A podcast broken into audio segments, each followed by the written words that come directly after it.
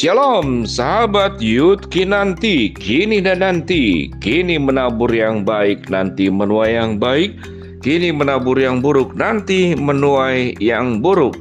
Sahabat Yud Kinanti, kita akan membahas satu tema yang namanya itu cerdas bergaul. Cerdas bergaul. Rupanya kecerdasan tidak hanya di sekolah, di kampus, tapi juga dalam pergaulan Memangnya ada apa dengan pergaulan? Pergaulan itu adalah kita sedang berhadapan dengan segala macam hal ada di dalamnya. Itu yang disebut dengan pergaulan. Kita masuk ke supermarket, segala macam ada di dalamnya. Jadi adakah yang salah di sana? Tidak. Kita pergi ke supermarket ya sahabat Yud. Kita ketemu pisau, kita ketemu obat-obatan, kita ketemu sumber bahan pokok makanan. Sama juga kayak ke mall kan, kita bisa punya apa pakaian dan segala macam. Semuanya ada di sana. Dan di mall pun ada pencopet. Cuman pencopetnya nggak bilang-bilang. Dia tenang-tenang saja. Ada ibu-ibu yang mencopet dengan memakai apa baju yang lebar, diselipkan di bagian dicepit di kaki, dicepit kiri kanan, yaitu disebut dengan pergaulan. Dunia, segala macam pun ada.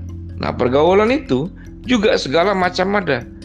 Ada orang baik, ada orang jahat, ada orang pura-pura baik, ada orang pura-pura jahat. Nggak mungkin itu yang terakhir. Kalau pura-pura jahat itu namanya main drama, yaitu pemeran antagonis. Padahal temannya sendiri, itu kan pemain drama. Jadi kalau pura-pura jahat itu ya mungkin ngeprank gitu ya. Nge ngeprank. Apa sih ngeprank itu siapa sih yang mulai kata ngeprank? Itu pura-pura jahat. Ada yang pura-pura baik. Nah, yang ini yang bahaya. Pura-pura baik. Pura-pura baik itu sebetulnya adalah sifat daripada setan. Pura-pura baik. Seakan-akan membela, seakan-akan memikirkan dirimu, seakan-akan memahami pikiran dan perasaanmu, masuk dalam kelompok pura-pura baik. Namun di balik semuanya itu ada niat jahat untuk menjebakmu, untuk memanfaatkanmu, untuk memakaimu. Apaan sih memakai? Emangnya pakaian? Ya ada. Nah ada satu kasus baca-baca nih ya. Jadi ada teman itu jadi anak muda dengan anak muda suka bikin acara kumpulan di dalam rumahnya. Lalu kemudian yang teman yang pura-pura baik ini dia memasang yang namanya tuh CCTV tersembunyi di kamar mandi. Coba sahabat Yud. Jadi kamar mandi pun tidak aman. Engkau pikir aman kamar mandi? Hah?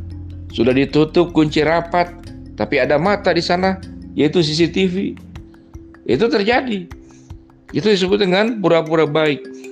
Sehingga bagaimana cara cerdas bergaul? Cerdas bergaul itu harus harus bisa memilih.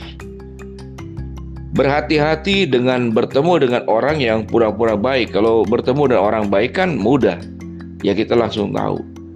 Jadi berhati-hati dengan orang-orang yang pura-pura baik tapi yang baik ya sudah diterima. Tapi bagaimana kita bisa membedakan coba?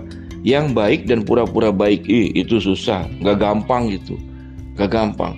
Kok dia dulu baik ya? Kenapa dia begitu? Dia dulu setia ya? Kenapa sekarang ninggalkan saya? Ya karena itu kamu menganggap orang itu baik, padahal orang itu adalah pura-pura baik. Ya, pura-pura baik. Jadi hindari orang yang pura-pura baik, pahami bahaya Pahami tipuan, pahami jebakan. Yang tadi dibilang tuh, pasang TV, CCTV di kamar mandi buat apa?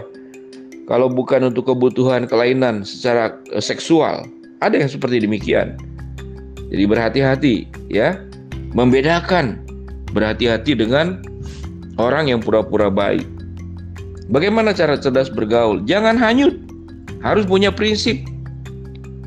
Kalau berkata berani berkata tidak menolak itu adalah kecerdasan dalam bergaul. Jangan semua iya, semua diikutin. Jangan juga semua ditolak. Semua tidak mau terlibat. Jadi harus tahu dalam bergaul itu mana yang harus dipilih, mana yang harus diikutin, mana yang tidak. Sama dengan tadi ke mall. Nggak mungkin sebuah dibeli kan? Uang kamu terbatas. Dan belilah sesuatu yang sesuai dengan keperluan yang memberi manfaat buat dirimu. Bergaul pun sama. Bergaulah yang bisa membawa manfaat kebaikan buat dirimu, tapi jangan memanfaatkan orang lain. Jangan kemudian menimbulkan dampak buruk dan berani berkata tidak, jangan hanyut. Itu yang diajarkan oleh firman Tuhan.